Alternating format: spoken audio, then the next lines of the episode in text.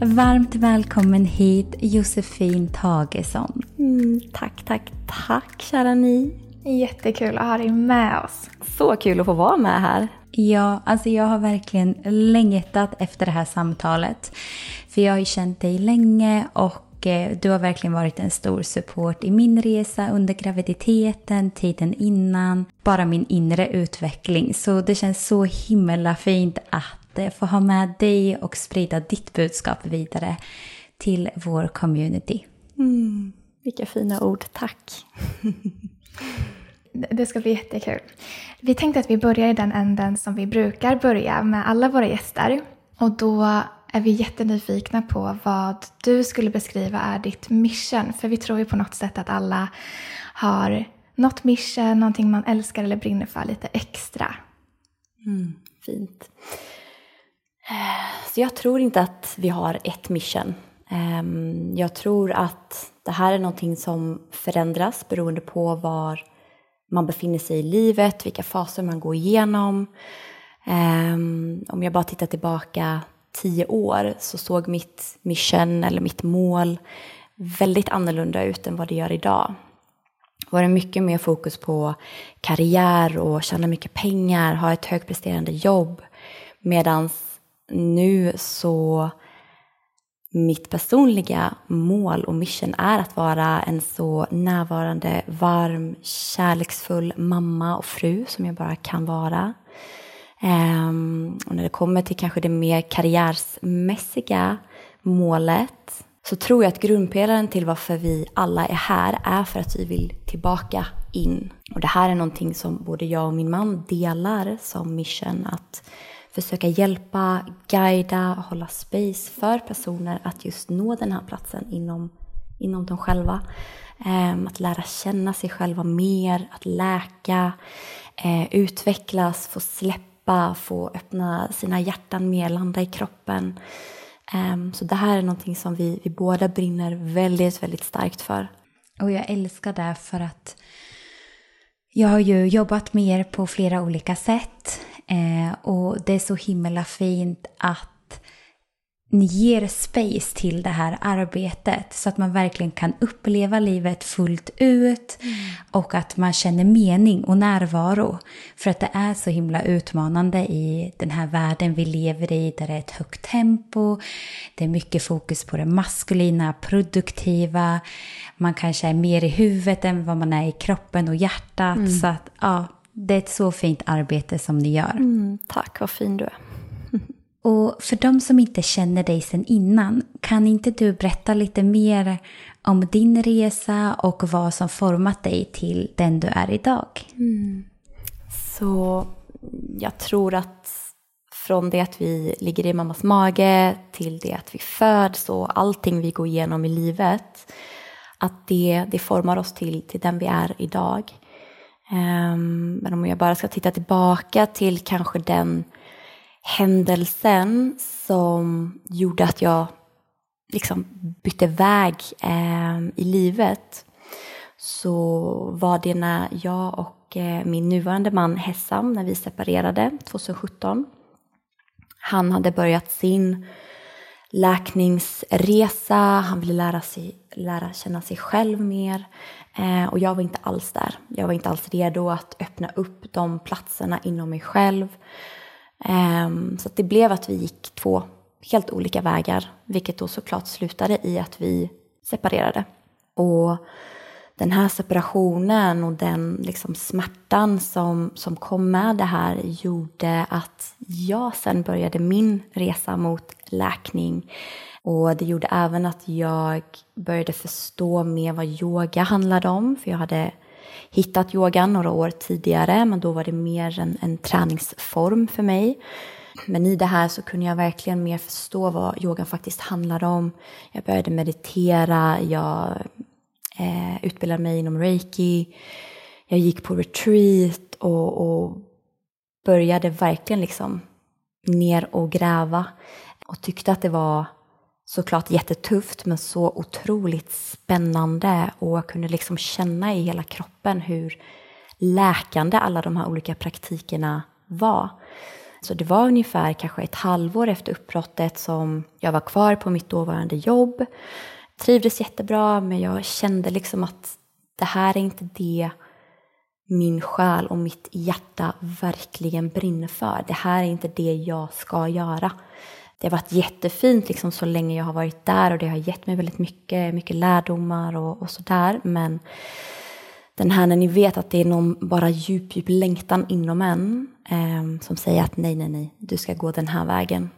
Eh, så jag sa upp mig och hade egentligen ingen direkt plan. Eh, och samma dag som jag jobbade min sista dag så skriver Josefin Bengtsson från The Soul Space och frågar om jag vill komma och jobba med dem i Indien och hålla retreat. Så det var verkligen så här, när en dörr stängs så öppnas en annan. Och det, jag hade sån, sån stark tillit till det här någonting större och på att det finns en plan för oss alla. Um, och att jag vågade verkligen bara kasta mig ut. Och sen säger inte jag att det här passar alla, men för mig var det, eh, det var något jättestort och jättevackert. Så på den vägen var det. Så jag började jobba med dem och hålla retreat och jag gick djupare in i yogans värld och meditation och reiki. Och, eh, jag och, och Hessam, då, min, min man, vi ehm, formade en jätte, jättefin vänskap och han var sånt otroligt stöd för mig genom hela den här resan. Ehm, så ungefär ett och ett halvt år senare så hittade vi tillbaka till varandra och det var verkligen det som liksom gjorde att vi gled isär var sedan det som liksom förde oss, oss samman och vi kunde mötas på en helt annan plats. Vi kunde se varandra på ett helt annat sätt.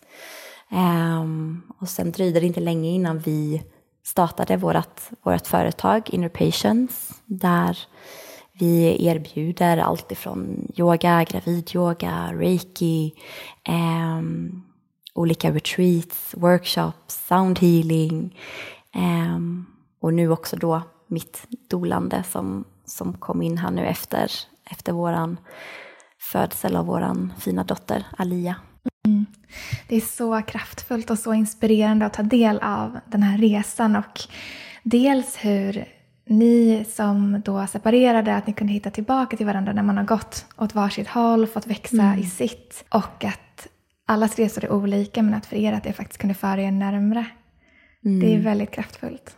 Ja, jag tror att det var så otroligt viktigt för oss båda, både som individer men även som par, att vi fick den där tiden att verkligen bara fokusera på vår egna resa och verkligen mer lära känna sig själv och fokusera på sin egen läkning. För det kan ibland, tycker jag, vara svårt när man är i ett partnerskap. Att för oss så var det jätteviktigt. Och att vi sen liksom kunde mötas på ett djupare plan. Och det var ju även som att lära känna en helt ny person. Alltså för att visst att vi hade varit eh, väldigt fina och nära vänner.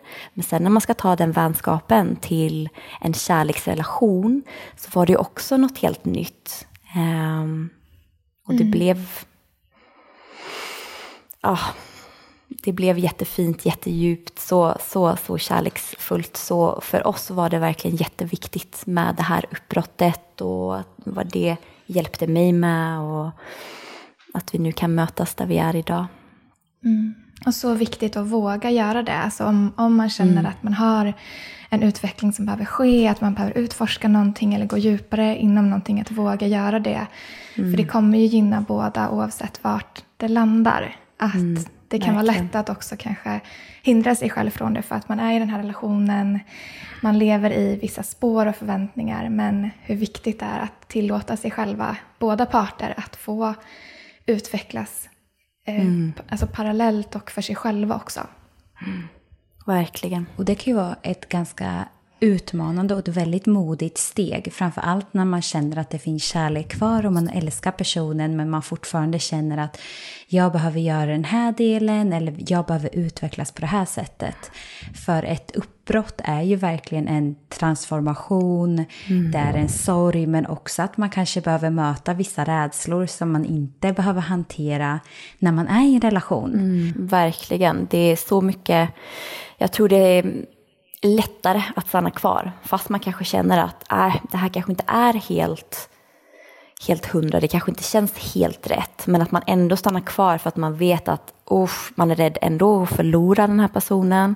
Om man då såklart kanske har kärlek kvar för varandra. Men hur viktigt det är för att faktiskt lyssna på den, alltså den rösten inom en som säger att ah, det här är inte helt rätt. För att oftast då så kommer det här bara växa och växa tills det till slut kanske blir ett ännu mer vad ska man säga, traumatiskt uppbrott, att eh, någon är otrogen eller att det blir liksom något där det, det är svårt att hitta tillbaka till varandra för att man har svikit varandra på ett annat sätt. Eh, men det är såklart jätteutmanande att, att välja och, och separera. Mm. Men ibland är det det viktigaste ja, och precis. bästa.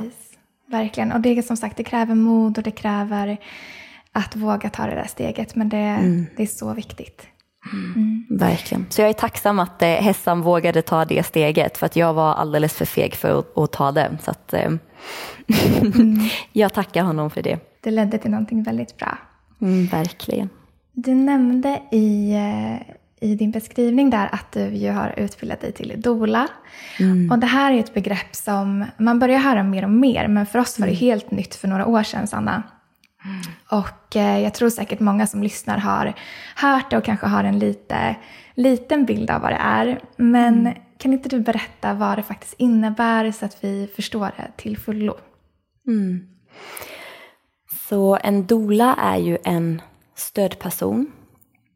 Och för mig så handlar dolanet väldigt mycket om det här att hålla space för kvinnan och hennes partner när de går igenom den här transformationen, initieringen in till föräldraskap. Um, och såklart att det finns olika typer av stöd som, som man kan ge och allting beror ju egentligen på vad kvinnan kanske främst då behöver i de olika faserna. För oftast är det beroende på var du befinner dig, även då innan förlossningen, efter förlossningen.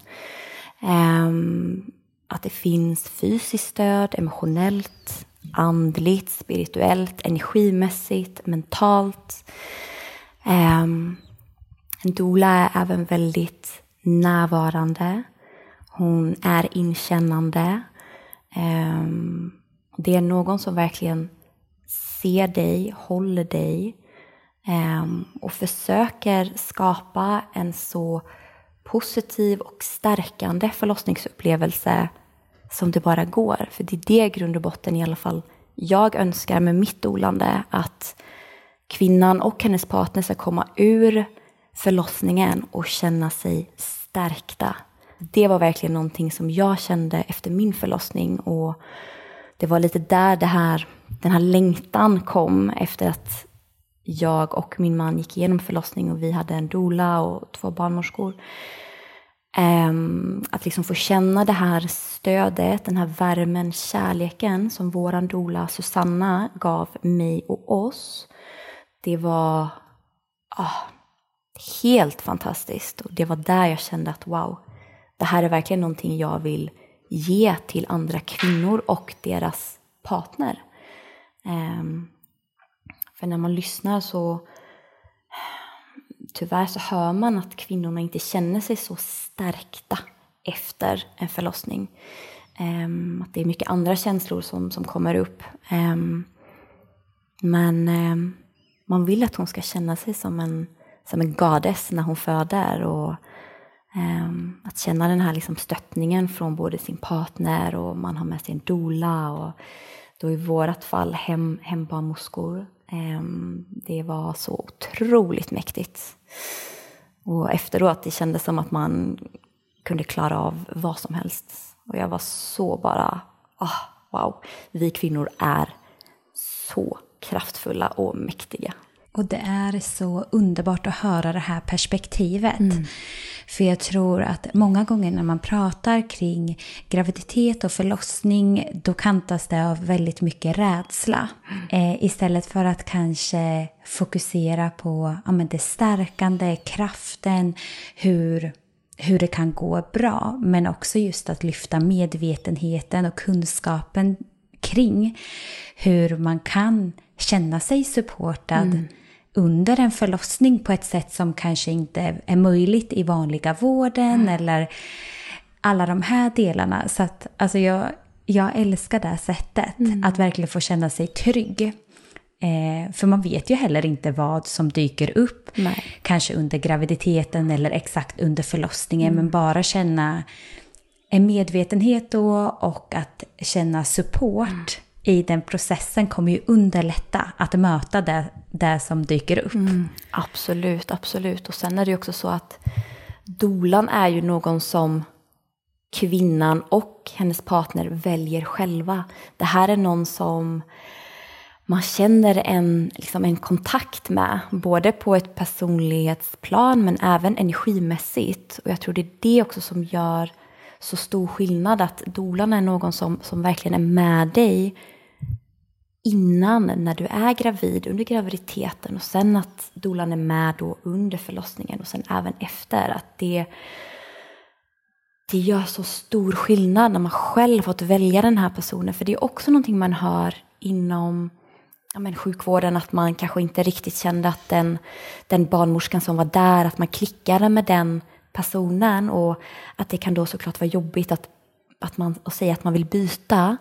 Eh, men att en dola, det är verkligen någon du och ni har valt. Och då kan man även skapa en annan liksom, tillit till, till varandra och redan liksom innan förlossningen så känner du den här tryggheten från den här personen.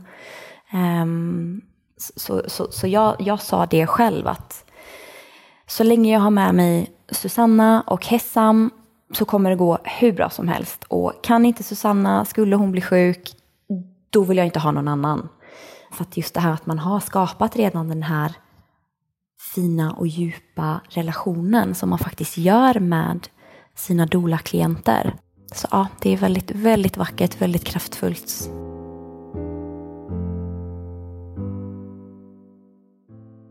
I dagens avsnitt vill vi tacka vår fantastiska sponsor Skinome som gör färsk hudvård.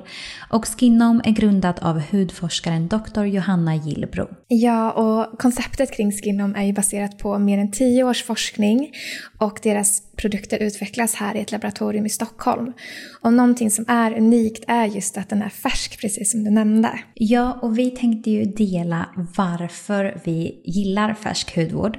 Och en av de största anledningarna är ju att färsk hudvård innehåller inga onödiga tillsatser som exempelvis konserveringsmedel, parfymer, färgämnen eller andra tillsatser. Och det här är ju ingredienser som huden ändå inte vill ha eller behöver. Så därför är det bättre att inte ha med dem i produkterna. Och Skinoms färska hudvård produceras därför i små volymer i Sverige och sen säljs det ju nästan direkt efter produktion för det finns ju ett bäst före-datum. Mm. Ja men det är så coolt. Och en annan sak som vi älskar med färsk hudvård är ju att den stärker din hud. För precis som att vi har en tarmflora så har vi även en hudflora som bland annat, bland annat består av goda bakterier. Och det är grunden till en god hudhälsa. Och Skinnoms färska hudvård är även mikrobiomvänlig. Och det innebär att den stöttar hudens goda bakterier och bidrar på så sätt till en god hudhälsa. Mm. Och det vi också älskar med Skinoms produkter är ju att de även har maximal effekt. Och med det innebär det att de har ju aktiva ingredienser med vetenskapligt bevisad effekt i sina produkter. Och de fokuserar ju på hudegna ingredienser, det vill säga ingredienser som finns naturligt i huden. Som på det sättet kan boosta hudens egen funktion för att få bästa möjliga resultat. Mm. Och vi har ju fått äran att dela med oss av en rabattkod till er på alla Skinons produkter. Så uppge koden WomenSync20 med stort W så får ni 20% rabatt på deras hemsida skinom.se. Tack Skinom! Tack så mycket Skinom! Jag tycker alla man pratar med som har haft en dola är så glada att de hade det. Jag har inte mm. hört någon som har ångrat det beslutet. Så man kan ju verkligen tänka sig att det är ja, men just det här, den här tryggheten som man inte annars kanske kan garantera sig själv. Just mm. för att man kommer möta människor man aldrig har träffat förut. Man kommer vara i en miljö som oftast är väldigt, alltså helt ny. Sjukhusmiljön mm. eller vart man ja. nu, om man inte har en hemmaförlossning. Mm. Så att ha ytterligare en trygg person kan jag verkligen tänka mig att det skapar en grundtrygghet som mm. kan komma väl till användning. Verkligen, verkligen. För just det där när man ska gå igenom en förlossning och alltså den transformationen som, som det faktiskt är. Och jag brukar säga det att alltså att gå igenom en förlossning, det är, det är en form av död. Du behöver lämna en version av dig själv för att sen kunna liksom födas in till moderskap eller föräldraskap. Eh, och när man ska gå igenom en sån liksom process, då är ju tryggheten så otroligt viktig. Så trygghet och känna sig liksom stöttad, sedd, hörd. Alltså det är så viktigt. Och det är precis det en dola kan, kan, kan ge och hjälpa till. Att är man på sjukhus så att hon liksom kan få skapa den här liksom bubblan runt kvinnan, paret och låta dem få vara i den bubblan och inte bli störda utan de kan få vara där. Eh, och så kan dolan liksom vara så nästan lite filtret mellan då sjukvården och då kanske partnern. Så det... Så, mm. Så himla fint. Och du ska få berätta mer om din förlossning. Vi kommer djupdyka mer i förlossning ja. lite senare. Men jag tänkte att vi skulle toucha lite vid graviditet. Mm. Eh, för någonting som du och jag har pratat mycket om när det kommer till just graviditet mm. men också förlossning. Mm. Det är ju att mycket av hela den här processen handlar så himla mycket om att våga släppa kontroll, mm att leva i ovisshet, men också om att ha tillit till kroppen. Kan inte du berätta lite mer kring dina tankar kring det här? Mm. Jag tror generellt att det här är någonting som vi jobbar på och kommer jobba på för resten av livet. Just det här att släppa kontrollen. För det är någonting som vi, det är så hårt inprogrammerat i oss att så här, försöka kontrollera så mycket vi bara kan och att det är det som får oss att känna oss trygga. Um, men liksom när man går in i det här, man blir gravid, eh, graviditet och förlossning, då handlar ju väldigt mycket om just det här att bara släppa, ha tillit, Um, att vi kan liksom inte kontrollera det som, som händer inom oss. Och så fort vi försöker kontrollera och göra lite motstånd, att det blir så mycket tuffare inom oss själva. Um, så jag tror att det här då som vi upplever under graviditeten med att så här, jag kanske inte riktigt kan kontrollera allting och min kropp förändras och det växer någonting inom mig och det kommer upp massa känslor och, och så vidare och så vidare att det här är också en slags förberedelse inför dels förlossningen men även föräldraskap. För föräldraskap är ju också så här, du kan inte kontrollera allting. Visst att du inte bara ska släppa och, och hoppas på det bästa men att det här, jag tror också att det blir så mycket tuffare om vi försöker kontrollera minsta lilla grej. Um, jag tror allting är en förberedelse Um, och även det här med att ha tillit till kroppen. Jag tycker mycket handlar om just det här att man ska gå in i en förlossning. Att mycket handlar om just att gå inåt. Att gå inåt, hitta kontakt med din kropp, med din bebis. Ehm, och för mig så var det väldigt mycket det här att det här att släppa kontrollen och ha tillit. Att det även också att man har tillit till någonting större. Eh, till universum, till att vi kommer få, få hjälp, kanske inte bara fysisk hjälp och stöttning från våra stödpersoner, men även liksom från våra guider och energier som finns runt oss hela tiden. Och i förlossningen, det handlar så mycket om att just våga släppa, våga släppa kontrollen, bara ha tillit till den här processen, till att kroppen och bebis vet vi har den här visdomen inom oss. Det gäller bara att vi ska försöka och följa med. Vi ska försöka bara släppa, inte göra motstånd, eh, inte försöka gå upp i huvudet utan verkligen försöka vara i hjärtat, vara i kroppen.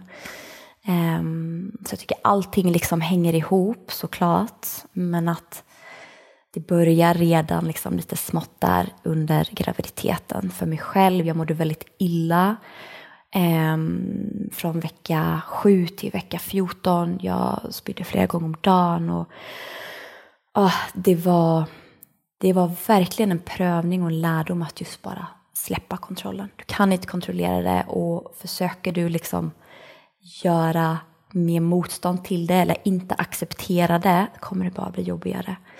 Um, och att det även var så fin lärdom till att uh, Ehm, det här med mindset. Att okej, okay, vad säger du till dig själv varje dag? Säger du att åh oh, gud, jag mår så dåligt, jag mår så dåligt, jag mår så dåligt? Eller kan du istället liksom så här mata dig själv med ah, min kropp är fantastisk, mitt, min kropp skapar ett barn, min kropp kan bära ett barn och istället liksom ändra det här.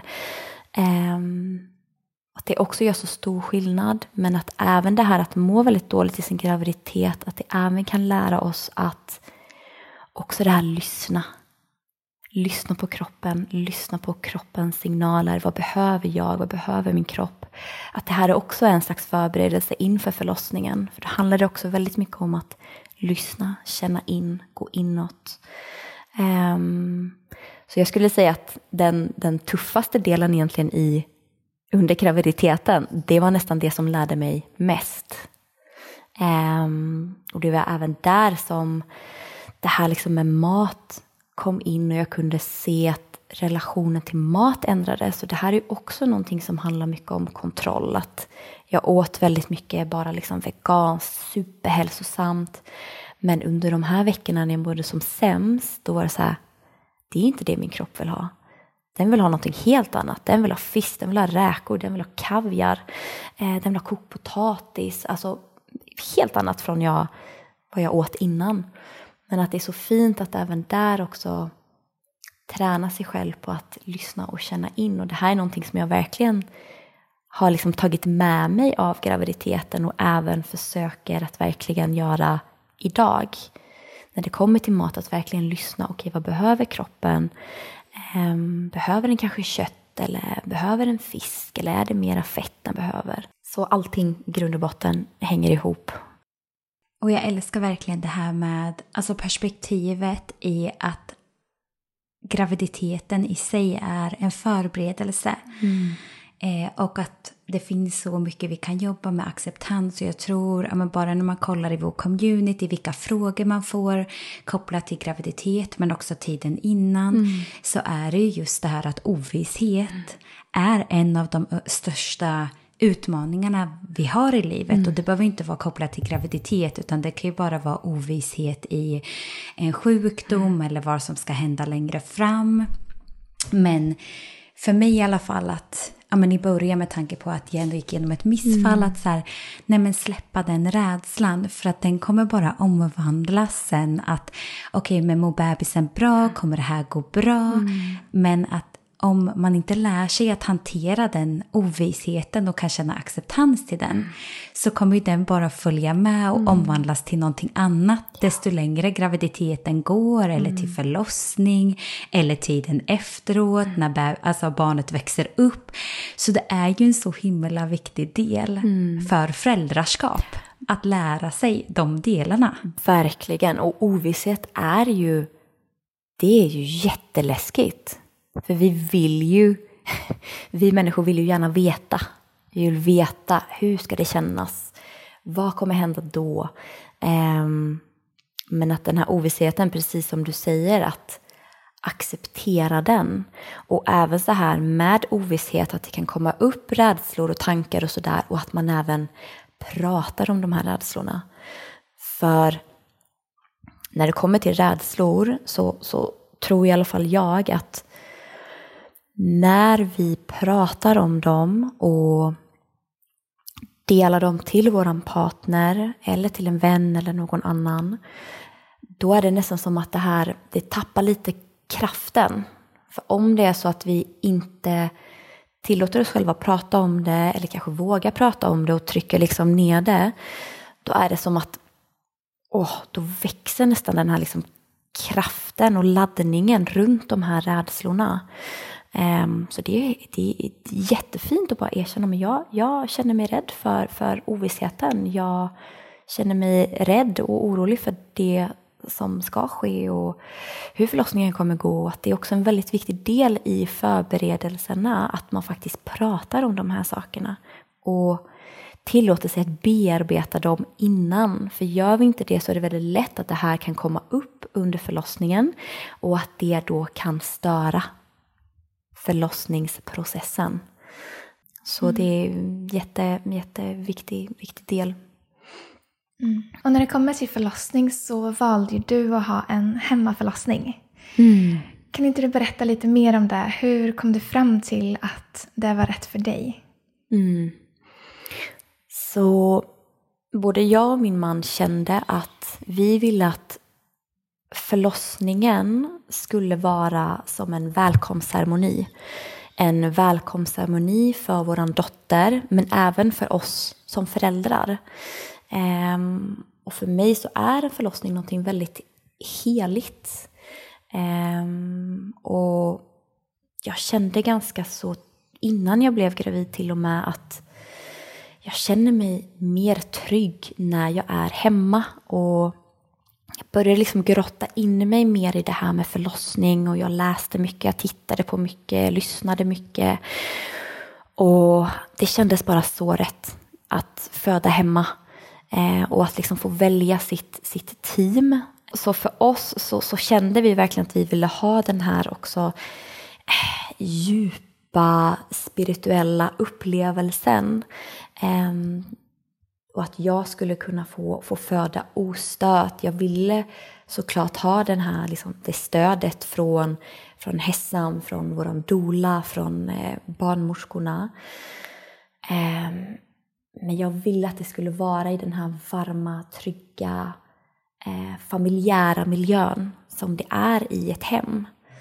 Ehm, så för, för mig och för oss så, så var det väldigt självklart. Jag tror för, för min man så var det, han hade väl lite, lite tvivel i början. För såklart, föder du hemma då har du inte det här liksom medicinska. Om någonting skulle hända, om du behöver liksom akut kejsarsnitt eller om det är någonting som behöver liksom medicinsk eh, support. Men eh, efter att vi vi pratade med, med vår doula Susanna så eh, landade han också i att det här var helt, helt rätt. Så det var verkligen ett, ett självklart val ehm, för mig. Jag kände inte att jag kunde få den upplevelsen som jag önskade på ett sjukhus utan jag kände att det, det ska vara hemma. Det ska vara ja, där jag känner mig som mest trygg. För jag tänker de som är nyfikna som kanske har samma längtan som dig. Hur går man praktiskt tillväga om man vill ha en hemmaförlossning? Mm. Eh, så det finns ju olika typer av hemförlossningar. Det finns ju något som kallas för free birth och då eh, så föder du utan barnmorskor. Så ofta så är det en vän eller kanske en dola som är med eller om du är helt själv. Ehm, så då behöver du antagligen inte bekosta någonting. Men annars så bekostar du allting själv. Ehm, och du får även boka allting själv och göra research. Så både när det kommer till att hitta den dolan som, som, du, ehm, som du klickar med och även när det kommer till hembarnmorskor. Och jag började leta i runt vecka 20 och jag skulle nästan rekommendera att vill man ha en hemförlossning att du börjar ännu tidigare och, och kolla och eh, börja leta efter barnmorskor som du vill ha med dig. För det är även så att man eh, letar upp och man kollar om de är tillgängliga och sen så har man ett samtal och du kan ha samtal med flera just för att du ska hitta de personerna då som du eh, klickar med mest och som du känner att ah, men den här personen vill jag verkligen ha med mig. För det är så tråkigt om det skulle vara anledningen till att du inte kan ha en hemförlossning, att du får inte tag på hembarnmorskor. Eh, och oftast då så vill de, inte alla, men de flesta vill vara två stycken eh, hembarnmorskor just för att ja, men om det är någon som blir sjuk eller om någonting händer eller om de behöver byta av varandra så kan det vara rätt skönt att vara två för man vet ju som sagt aldrig hur lång tid en förlossning tar. Eh, och sen då även när det kommer till dolan. Eh, att man gör lite research och hitta några stycken som man vill prata med för att sedan liksom boka och sen så har man ju kontakt med, med de här personerna från det egentligen att man bokar dem, speciellt dolan, tills det att eh, man känner att förlossningen börjar liksom komma igång. Och så har man ju, man träffar ju varandra också innan och har eh, längre möten där man går in mer på liksom förlossning och vad man önskar och mer praktiskt och förberedelse och så vidare. Eh, och sen om man önskar så behöver man även boka en förlossningspool. Och det brukar hembarmorskorna kunna hjälpa till med, eller dolan, att de kan liksom visa var, man, var och från vem man kan hyra den här poolen ifrån. I dagens avsnitt vill vi också passa på att lyfta våra Women's Sync Body Lotion och Body Wash. Ja, och anledningen till att vi har tagit fram just hudvård kommer från att vi idag utsätts för ämnen och gifter i vår vardag som kan påverka kroppen och hormonhälsan negativt. Och vi har själva tagit del av den växande forskningen kring just hormonstörande ämnen i produkter som de flesta av oss använder dagligen som är just hudvård. Ja, vi själva upplevde ju hur svårt det var att navigera kring hudvård och förstå olika ingrediensförteckningar och när vi själva letade efter produkter så hittade vi inga alternativ som levde upp till våra egna krav. Det här väckte verkligen en drivkraft i oss att skapa en hudvårdsserie som verkligen är snäll mot kroppen, som passar gravida och ammande och som vi kan stå för till 100%. Precis, och även om de är snälla mot kroppen så har det varit otroligt viktigt för oss att de också verkligen har effekt. Det vill säga att de ska vara mjukgörande och återfuktande. Och själv älskar jag verkligen konsistenserna. Bodywashen är så len mot kroppen och bodylotion gör verkligen huden mjuk utan att lämna en fet hinna på huden. Mm. Nej men de är otroliga. Och för att göra dem så närande som möjligt för huden så har vi fokuserat på att använda ingredienser som finns naturligt i huden och som stärker och upprätthåller en hälsosam hudbarriär såsom exempelvis kvalen, E-vitamin och vitamin B3. Ja, precis. Och en viktig aspekt i framtagandet av hudvården är att vi har gjort dem parfymfria. Och det är eftersom att parfym är ett samlingsbegrepp som kan innehålla hundratals olika ämnen. Och de är även fria från PFAS, parabener, ftalater, BPA, mikroplaster och mineraloljor. Ja, och vi får ju ofta frågor vad vi använder och vi använder ju enbart de här produkterna nu och kommer att göra för resten av vår framtid. Och framförallt nu när vi är gravida eftersom att de passar lika bra inför för, under och efter en graviditet. Men de passar ju även för de som har känslig hud eller man har olika allergier eller bara för dig som är medveten och söker efter alternativ som är snälla mot huden. Mm. Och produkterna är också veganska och producerade här i Sverige. Och du hittar dem på vår hemsida womensing.se. Nej men så intressant att höra om det så att man känner sig kallad till att göra en hemförlossning så tror jag ändå att det är viktigt att få med sig de här, med den här vägledningen mm. bara för hur processen kan se ut. Mm. Eh, så tack för dina praktiska tips. Mm. Tack själv. Eh, och, och någonting som vi har pratat väldigt mycket om eh, och som du och jag Sara också pratar väldigt mycket om det är just det här förberedelse inför förlossning. Mm. Um, och jag vet, alla vill ju inte förbereda sig och det är också helt okej okay, vilken väg man än väljer att gå. Men vi vet också att många i vår community kan känna att det blir en trygghet att förbereda sig inför en förlossning. Um, men kan inte du dela lite, vad gjorde du för förberedelser eh, rent praktiskt inför din egen förlossning? Mm. För mig och vad jag tror också för, för många kvinnor att det handlar just om att gå mer inåt, att göra praktiker där vi kan landa i kroppen, landa i hjärtat, få kontakt med kroppen, få kontakt med våran bebis. Så för mig så, så egentligen fortsatte jag med, med den praktiken jag redan hade, vilket var då yoga och meditation och avslappning, andning. Ehm, för just yogan är ett sånt fantastiskt redskap för mig att komma tillbaka till mig själv, landa i kroppen. Um, och också det här bara bli medveten om vad som är närvarande för mig. Att det, det är så viktigt då att vi tillåter oss själva och ger oss själva utrymme att faktiskt gå inåt. Och såklart då med meditationerna att det blev mer fokus på just det här att connecta med bebisen. Um, och även det här då med avslappning, att jag tog längre shavasana och i min shavasana så började jag lyssna på hypnobirth. Och mm, man kan säga att det här är då meningar, eh, affirmationer, mantran som sägs och det är nästan som att man programmerar sitt undermedvetna med de här meningarna som man sen då kan få tillgång till under förlossningen. Så jag kommer så väl ihåg att det var en mening där det var um, My baby is the perfect size for my body. I trust my body, me and my baby will do this together. Och så massa fina um, meningar. Och det som också var att jag somnade alltid när jag lyssnade på det här. Alltså varenda gång så slumrade jag till och jag fick den här djupa, djupa vilan. Och trots att vi sover så blir vi ju fortfarande matade med de här meningarna. Um, vilket jag sen då hade väldigt fin och stor nytta av under, uh, under själva förlossningen. Ja, för du delade ju de här eh, hypnobirthing-länkarna eh, med mig. Mm. Och jag, är det någonting som jag tror är viktigt för mig att öva, framförallt de sista månaderna nu, så är det avslappning. Mm.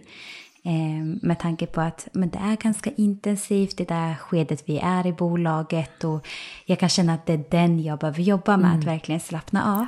Men när jag har gjort de här meditationerna, det är helt magiskt. Mm. Men jag, har, jag somnar ju. Ja. Alltså åtta av tio gånger så somnar mm. jag. Och det är väldigt, väldigt sällan jag gör det. Mm. Fantastiskt. Så fint. Men jag tänker, är det här någonting man kan hitta Alltså, var hittar man de här? Jag kan tänka mig att många som lyssnar blir jättesugna på att lyssna på dem själva.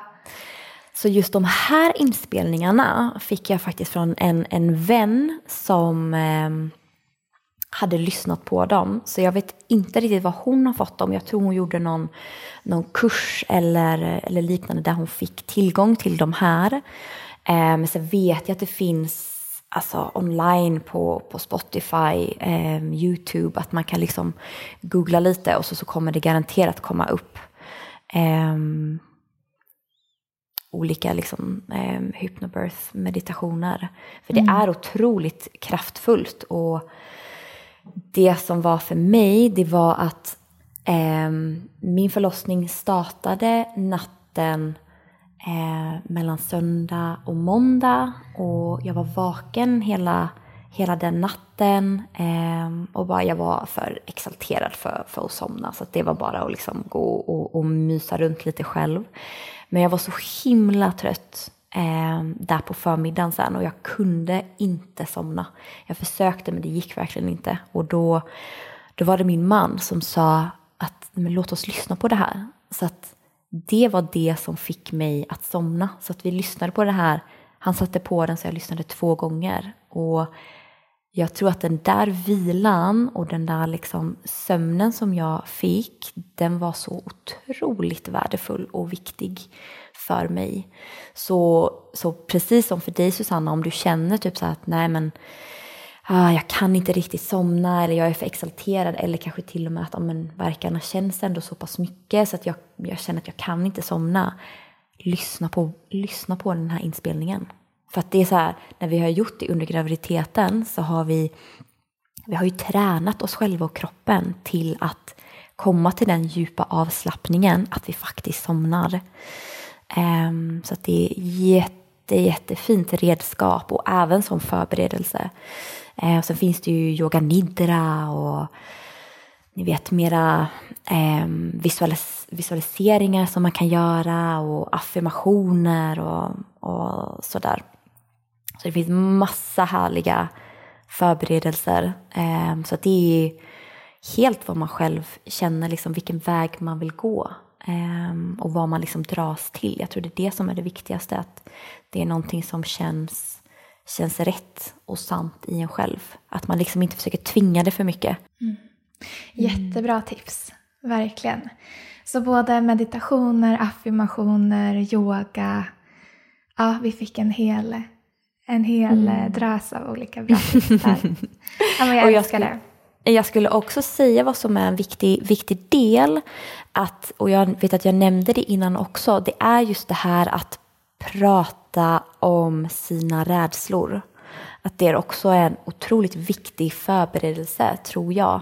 Eh, så jag vill bara återigen bara lyfta det att jag tror att det är en väldigt viktig del och som du och jag pratade om Susanna, just det här att en del utav vår förberedelse var att skriva ner vår drömförlossning men även vår mardrömsförlossning. Ehm, att det är också, nu, nu var ju detta specifikt då för hemförlossningar så men det var någonting vi blev rekommenderade och någonting som vi verkligen tyckte var väldigt värdefullt och bra. För det blir att när man tittar mer liksom på då mardrömsförlossningen och man går igenom sina rädslor och, och, och sådär, att man kan, man kan prata om det och lyfta det med, med sin partner, vilket jag tror är väldigt viktigt för att få en, en eh, mer positiv förlossningsupplevelse. Mm. Ja, men det är så viktigt att inte alltså, skygga undan för sina rädslor för det kan ju bara ge dem ännu mer kraft. Så jag tror det är en mm. jättebra övning som du beskriver. Verkligen. Mm. mm. Men jag tänkte att vi skulle prata lite också om fysiska förberedelser. För vi mm. vet ju att du förbereder dig både emotionellt och med olika de här praktikerna som du har varit inne på. Men även fysiskt med saker som till exempel nattljusolja. Mm. Hur kan det vara en del i förberedelser? Mm. Så Nattljusolja sägs hjälpa till att få livmodertappen eller cervix att mogna.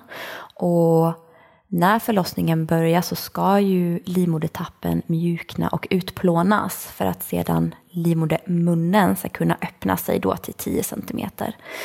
Um, så det här var någonting som jag verkligen kände gav mig mycket.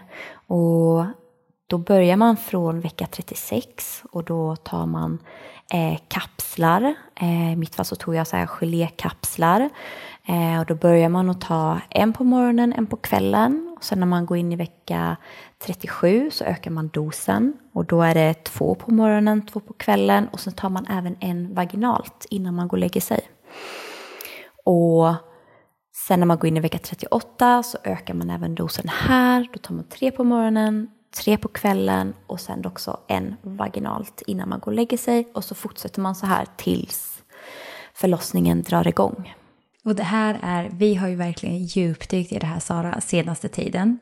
Eh, och det är ju en av våra kommande produkter, mm. kommer vara nattljusolja för att vi har läst om kvinnors upplevelser och hur stor skillnad det faktiskt har gjort. Så jag är så himla peppad eh, på att testa det här. Mm. Så det var också så himla skönt att bara höra så här praktiskt, hur, hur gör jag, mm. hur ska jag gå tillväga? Mm. Verkligen. Ja, vilken fantastisk produkt. Ja. nej, nej, men det känns som att det finns så himla många olika verktyg mm. som man kanske inte känner till, som många faktiskt upplever gör stor skillnad. Eh, och det känns viktigt att de finns. Och sen får man ju känna in vad resonerar med mig, vad, vad tycker jag känns sant. Mm. Eh, men att de verktygen finns. Mm, verkligen, verkligen. Och jag vet ju också att en av dina förberedelser var hallonbladste. Mm. Eh, kan inte du berätta lite mer kring det? Mm. Jag tycker ofta när det kommer till men, örter och plantor och sådär att det är en sån uråldrig visdom som liksom går från generation till generation, från mun till mun. Och det känns som att hallonbladste är just en sån här, vad ska man säga, planta som har gjort det. Eh, och det sägs ju att hallonbladste stärker livmodern och lindrar efterverkar. Eh, och att det även kan hjälpa då förlossningen att gå snabbare och smidigare om den sätter igång spontant. Så det kan man egentligen börja dricka från vecka 36. Och jag drack en kopp om dagen. Du kan dricka mer om, om det känns rätt. Jag vet att min dola hon drack lite mer än en kopp. Men jag skulle nog rekommendera att börja med, med en kopp om dagen i alla fall och bara se, se hur, det, hur det känns. Men det kändes också som en så fin fin grej att göra som en förberedelse och just det här när man hör att men det här stärker livmodern och att det kommer hjälpa eh, att förlossningen kommer gå smidigare. Det, för mig var det självklart att, att inkludera som en, som en förberedelse. Mm. Mm. Ja men precis, och det var exakt de här delarna som vi också har djupdykt mm. i och lärt oss mer om. Och framför allt hört så mångas upplevelser av. Mm. Och det är också varför, varför det är en produkt som vi själva ser fram emot att använda om bara mm. några veckor. Ja. ja, och det är ju verkligen en så näringsrik ört överlag. Ja, eh, och det är det som också är så coolt att se att det är inte bara i graviditetssammanhang mm. utan den använder sig också ja, för PMS och flera andra eh, delar. Så mm. det är verkligen en magisk produkt. Mm. Men någonting som jag har hört på alla möjliga eh, ställen nu, dels på kursen jag var på och sen gör vi en kurs med Spirit on Midwife mm. och sen när jag var på ditt retreat eh, så pratade vi om, heter det perineummassage? Ja, precis. Ja, alltså berätta mer, vad är det här? så det här är ju då området mellan anus och vaginan. Och perineummassage, det, det sägs då minska risken för större bristningar. Och det handlar egentligen om att det finns specifika oljor som, där det står liksom perineummassage. Att du liksom går ner till det här området, trycker, masserar, känner. Men det som vi pratade väldigt mycket om under doula-utbildningen och även som min, min doula pratade mycket om med, med mig innan förlossningen. Det var just att det här handlar också väldigt, väldigt mycket om att hitta den här kontakten med det här området. För jag tror att det är så himla många som inte liksom känner sig bekväma med det här området, känner sig inte bekväma med liksom så tryck vecka eller sådär. Så att mycket handlar om att bli bekväm med området, hitta kontakten eh, och att det också då kan vara väldigt fördelaktigt för förlossningen och för att få en positiv förlossningsupplevelse. Så hur gör man rent praktiskt när man ska smörja in det här området? Så egentligen vad man vill det är ju att man trycker. Du kan även liksom gå in från vaginan och sen så trycka liksom utåt så att du trycker mot det här området. Så du kan trycka dels på utsidan och sen så kan du även trycka inne. Så liksom från vaginan att du trycker neråt. Eh, och det här kan också vara en fin grej att göra som alltså par, att man inkluderar det i när man är intim med varandra. Um, så jag tror mycket, mycket handlar om just det här liksom relationen till det här området. Att det kanske inte handlar så jättemycket om att du ska liksom trycka och tänja ut och, och sådär. Det är såklart att det kan, det kan hjälpa när det kommer till bristningar. Men den stora punkten tror jag är att just det här relationen, skapa kontakt, med det här området. Att man inte ska känna att det är obekvämt att vara där och trycka. Mm. För den här delen kommer ju bli väldigt uttänd. Mm, jag tror det är så viktigt, precis som du säger, att det här är ju ett område som man kanske inte har så mycket kontakt med generellt. Nej, och sen helt nej. plötsligt så ska det vara center of attention i Precis. den här förlossningen som alla ska vara fokuserade på och där ja, men det här miraklet ska ske. Att mm. bara den ja, men processen i att bygga den kontakten själv med den mm. kroppsdelen. Verkligen. Eh, kan jag verkligen tänka mig är stärkande. Ja, och det, och det kan ju kännas Alltså det kan ju göra lite ont och vara lite obehagligt liksom när man börjar trycka här. För det kanske inte är då ett område där man är särskilt mycket. Speciellt liksom den här liksom perineumdelen. Så jag tror det är jättefint att eh, att vara där och bara bli lite mer bekant. Mm. mm. Har du någon speciell olja som du rekommenderar att man använder? Eh, det finns en olja som jag använder och jag har för mig att det är Veleda som har en perineum massageolja. Eh, så den använde jag, den tyckte jag var jättebra. Men sen så kan du ju även köra med kokosolja. Det var den, den oljan jag, jag använde, den här perineum massageoljan från Veleda och den tyckte jag funkade jättebra.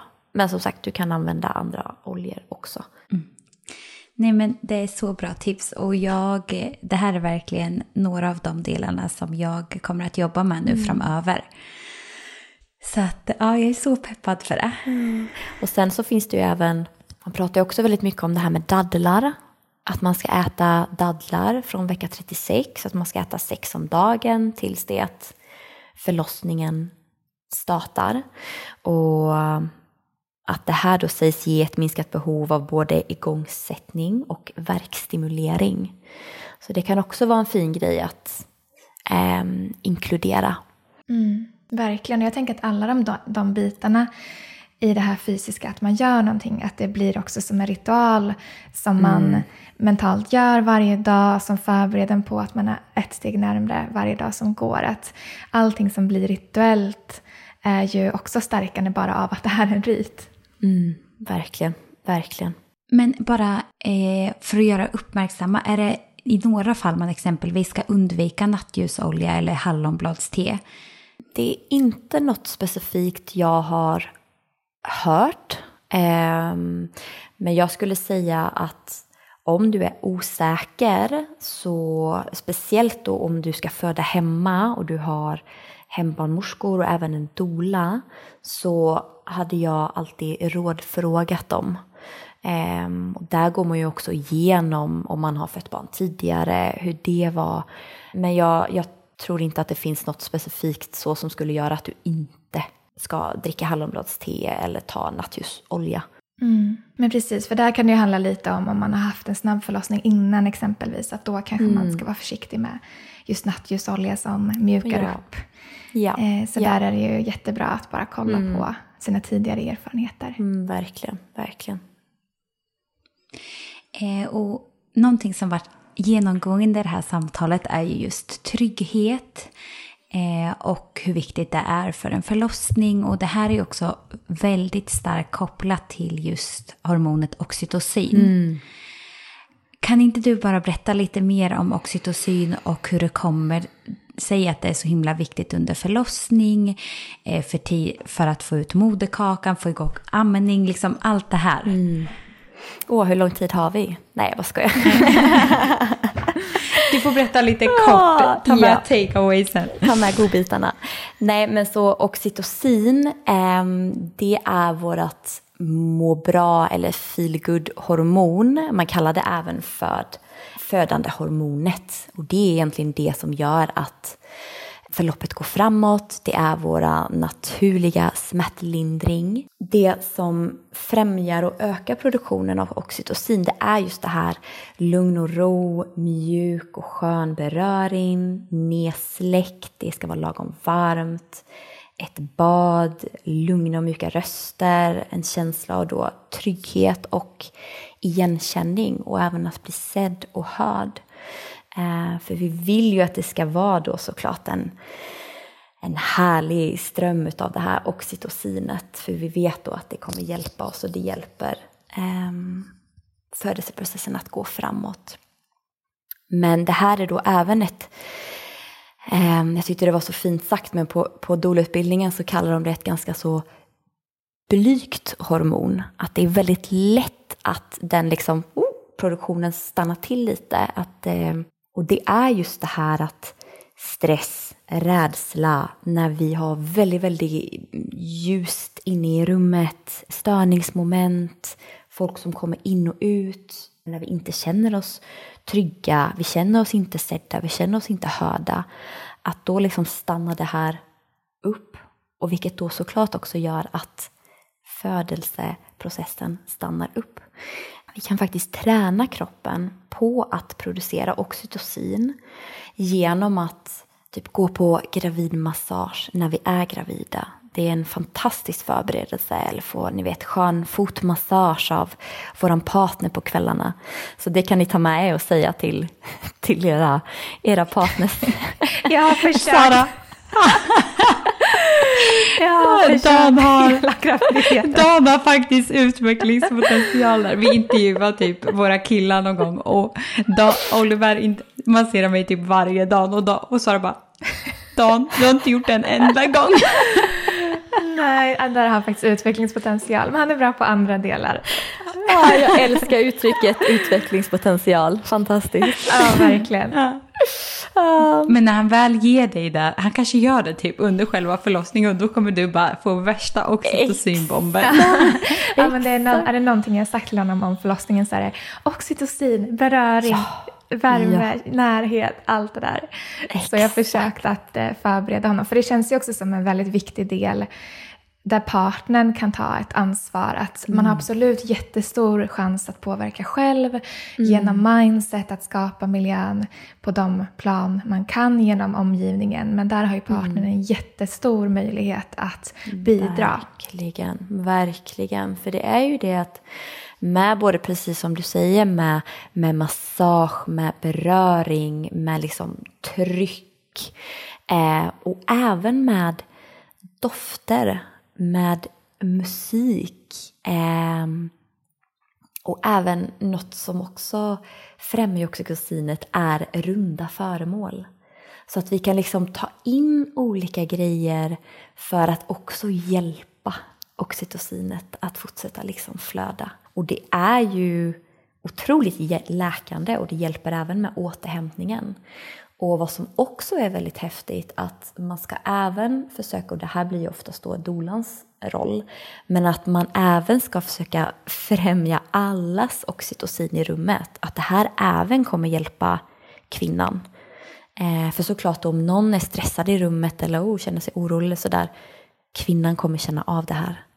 Eh, därför är det fint och en, en del liksom av dolans roll och uppgift att även försöka hjälpa till att öka allas oxytocinflöde. Så ja, och även det här som ni pratar om, värme, eh, varmt vatten och även en varm vetekudde. Alltså det här var ju alltså det bästa, nej kanske inte det bästa, men bland det bästa under förlossningen. Den här varma, varma vetekudden med kardborreband. Så den satt fast och var liksom på ländryggen med den här värmen. Och för har man bara en vanlig vetekudde då kan det vara ganska svårt att liksom röra på sig. Men den här vetekudden som sitter fast med kardborreband, ah, fantastiskt. Så det, det, det är en stark rekommendation att ha med sig. Wow, där behöver jag införskaffa. Ja, det, det rekommenderar jag verkligen. Jag kommer ihåg att jag sa det. Den kan inte bli för varm för de hade den i ugnen. Och jag bara, det gör ingenting. Desto varmare desto bättre.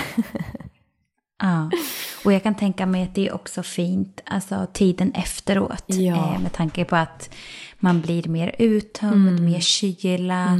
Så att alltså, få in mer av den här yin i kroppen också efter förlossningen.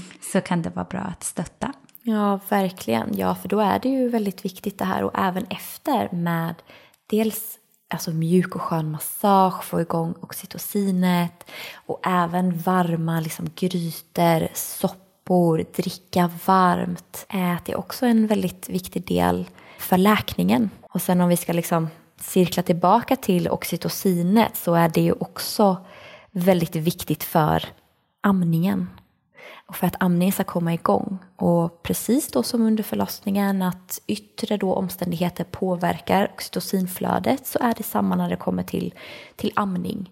Så om mamman känner stress, oro, att hon inte får tillräckligt med stöd, eh, hon äter inte ordentligt, hon sover inte ordentligt. Alltså allting det här kommer, kommer påverka. Så det är också en viktig del för liksom partnern även efteråt. Att, att stötta kvinnan och eh, se till att hon får avlastning och eh, att eh, hon får i sig bra mat och dryck och att hon får sova och, och sådär. Att det är också en väldigt viktig del. Och även det här liksom hud mot hud, hur viktigt det är.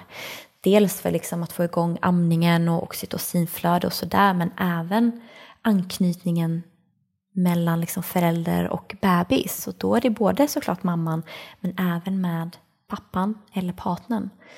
Um. Mm. Så viktigt att lyfta den här fjärde trimestern. Att det är någonting mm. man har börjat prata lite mer om. Men precis som du säger att det är också en period där tryggheten är så viktig. Mm. Att påminnas om det och att kunna ta upp det med sin partner. Att vi får inte glömma den här tiden efteråt. Och att det är detsamma som under graviditet och förlossning gäller även där. Mm, verkligen, verkligen. Och att man, att man pratar lite om, okej, okay, hur vill vi ha det? För jag vet att du och jag, Susanna, pratade lite om det här att det är såklart att familjen vill komma och hälsa på och vill träffa eh, bebisen så, så, liksom så fort som möjligt. Men att i många traditioner så så är den här tiden efter förlossningen så himla viktig för kärnfamiljen. Eh, att det är liksom kärnfamiljen som ska få landa och man kan få tid såklart för att läka och integrera hela förlossningsupplevelsen. Ehm, men att det kan vara väldigt fint att ta, jag vet vi tog 11 dagar för då inom ayurvedan, om man ska vara riktigt så följade så är det ju 40 dagar. Men eh, jag lyssnade på någon podd och så, så sa de det att men det, det är även de här liksom 11 dagarna som är de är väldigt viktiga. Att det bara är liksom lilla, lilla kärnfamiljen och att det är så värdefullt för mamman med den här liksom vilan och återhämtningen. Man säger också det att fem dagar i sängen, fem dagar på sängen och fem dagar runt sängen. Så det är egentligen 15 dagar som kvinnan verkligen så här vila, vila, vila, återhämta dig, fokus på läkning. Det också kan vara fint att bara så här inte få besök. Och sen gör ju såklart alla precis som de vill och vissa kanske har en super, super, super nära relation med eh, familjemedlemmarna och vill verkligen att de ska komma och, och träffa eh, bebisen. Men för mig och för oss så var det en jättefin period. Och jag hade till och med kunnat gå ännu längre. Men så det är verkligen någonting som jag tycker att vi bör prata mer om, det här med postpartum. För att det gör ju sån otroligt stor skillnad den här tiden. Ah, det kan spegla så lång tid efter. Både liksom relationen till sin partner och anknytning till bebis och amning och återhämtningen och, och sådär. Så att det är mm, ett viktigt, viktigt ämne. Ja, och jag tror det är så viktigt att lyfta upp det här mm. bara. Eh, för att även om man är hur nära som helst med sin familj och mm. älskar dem hur mycket som helst så är ju den här tiden i början väldigt speciell mm. också för läkning och eh, lära känna sin bebis och att den ska få möjlighet att bara komma in till den här eh, jorden. Mm. Så, att, man kommer ju ha så mycket tid framöver, men jag tror också att det krävs mycket mod eh, och gränssättning att våga stå upp mot kanske familj där som vill komma direkt eller samma dag eller vad det nu kan vara. Ja. Det känns som vi skulle kunna prata i all evighet om det här ämnet. Men jag tänker att vi ska komma in på de avslutande frågorna nu. Mm. Eh, så ett livsmedel, en ingrediens eller mat du inte skulle klara dig utan? Mm. Avokado. Härligt. Och om du fick tipsa om en bok, vilken bok skulle det vara? Uff, det är så svårt att tipsa om en bok. Jag har så många härliga tips. Um, om jag får, får jag tipsa om olika böcker för olika delar? Absolut. Gärna. Eh, så jag skulle säga att är man intresserad av med den här liksom spirituella, andliga biten av graviditet och förlossning så är eh, Natural Birth med Kristina eh, Turner jätte, jättebra. Och en annan, en annan kvinna som heter Sunny Carl som också är helt fantastisk. Hon har skrivit eh, flera böcker. Eh, och sen även Reclaiming Childbirth as a Rite of Passage med Rachel Reed. Jätte, jätte, jättefin. Eh, Föda barn med stöd av Märta Kullhed Engblom eh, som är eh, barnmorskedoula.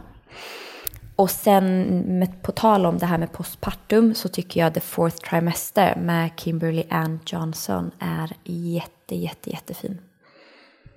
Så nu fick ni fler än en bok. Underbara tips, de finns på min lista, flera av dem. Ja, så det var en bra reminder. Mm. Eh, och om du fick ge ett råd till ditt 16-åriga jag, vad skulle det vara? Mm. Att sluta försöka prestera för någon annan. Um, och att du är bra precis som du är. Behöver inte bevisa någonting. Um, och främst det här med prestation. Du kan lägga det åt sidan. Det kommer gå jätte, jättebra. Mm, så, så fint. Mm. Och som sagt en påminnelse vi alla kan ta åt oss av. Mm. Mm. Visst. Och tack, tack snälla du för det här avsnittet. Det känns verkligen som vi hade kunnat prata i en evighet. Mm. Men vi är så himla tacksamma för det jobb du och Hessam gör och framför allt att du ville sprida budskapet vidare till vår community. Mm. Eh, så hur kommer, om det är någon som är intresserad av att eh, ta hjälp av dig, mm. eh, hur kommer man i kontakt med dig?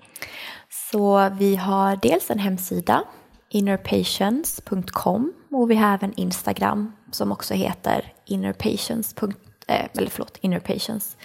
Eh, så det är då inre tålamod fast på, på engelska. Och vill man gå på min eh, eh personliga Instagram så heter jag Josefin Tagesson med PH. Underbart. Tack snälla du för ett så fint samtal. Vi fick med så mycket stärkande insikter, tips, praktiska råd som så många kommer kunna ta användning av. Så tack snälla du. Åh, tack till er. Det var så, så fint och jag håller med. Jag hade kunnat sitta och prata mer i all oändlighet. Så tack snälla ni för ett jätte, jättefint samtal. Tack. Massa kärlek till dig mm. och till er som lyssnar. Vi ses nästa vecka igen. Puss.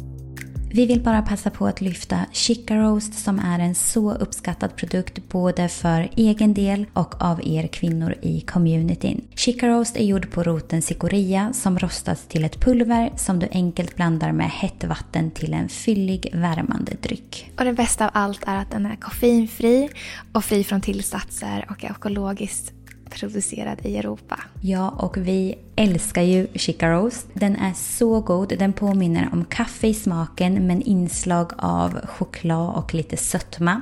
Och för oss har chicaros verkligen varit en game changer för att kunna minska på vårt koffeinintag. Och det här är verkligen det bästa substitutet till kaffe som vi någonsin har testat. Verkligen. Och personligen sen jag har minskat på koffein och började dricka chicaros, så har min IBS blivit bättre då den till stor del var väldigt stressrelaterad. Och jag sover också bättre och har minskat min oro och ångest. Så ja, en game changer helt enkelt. Om du vill testa Chica Rose så hittar du den på vår hemsida www.womensync.se.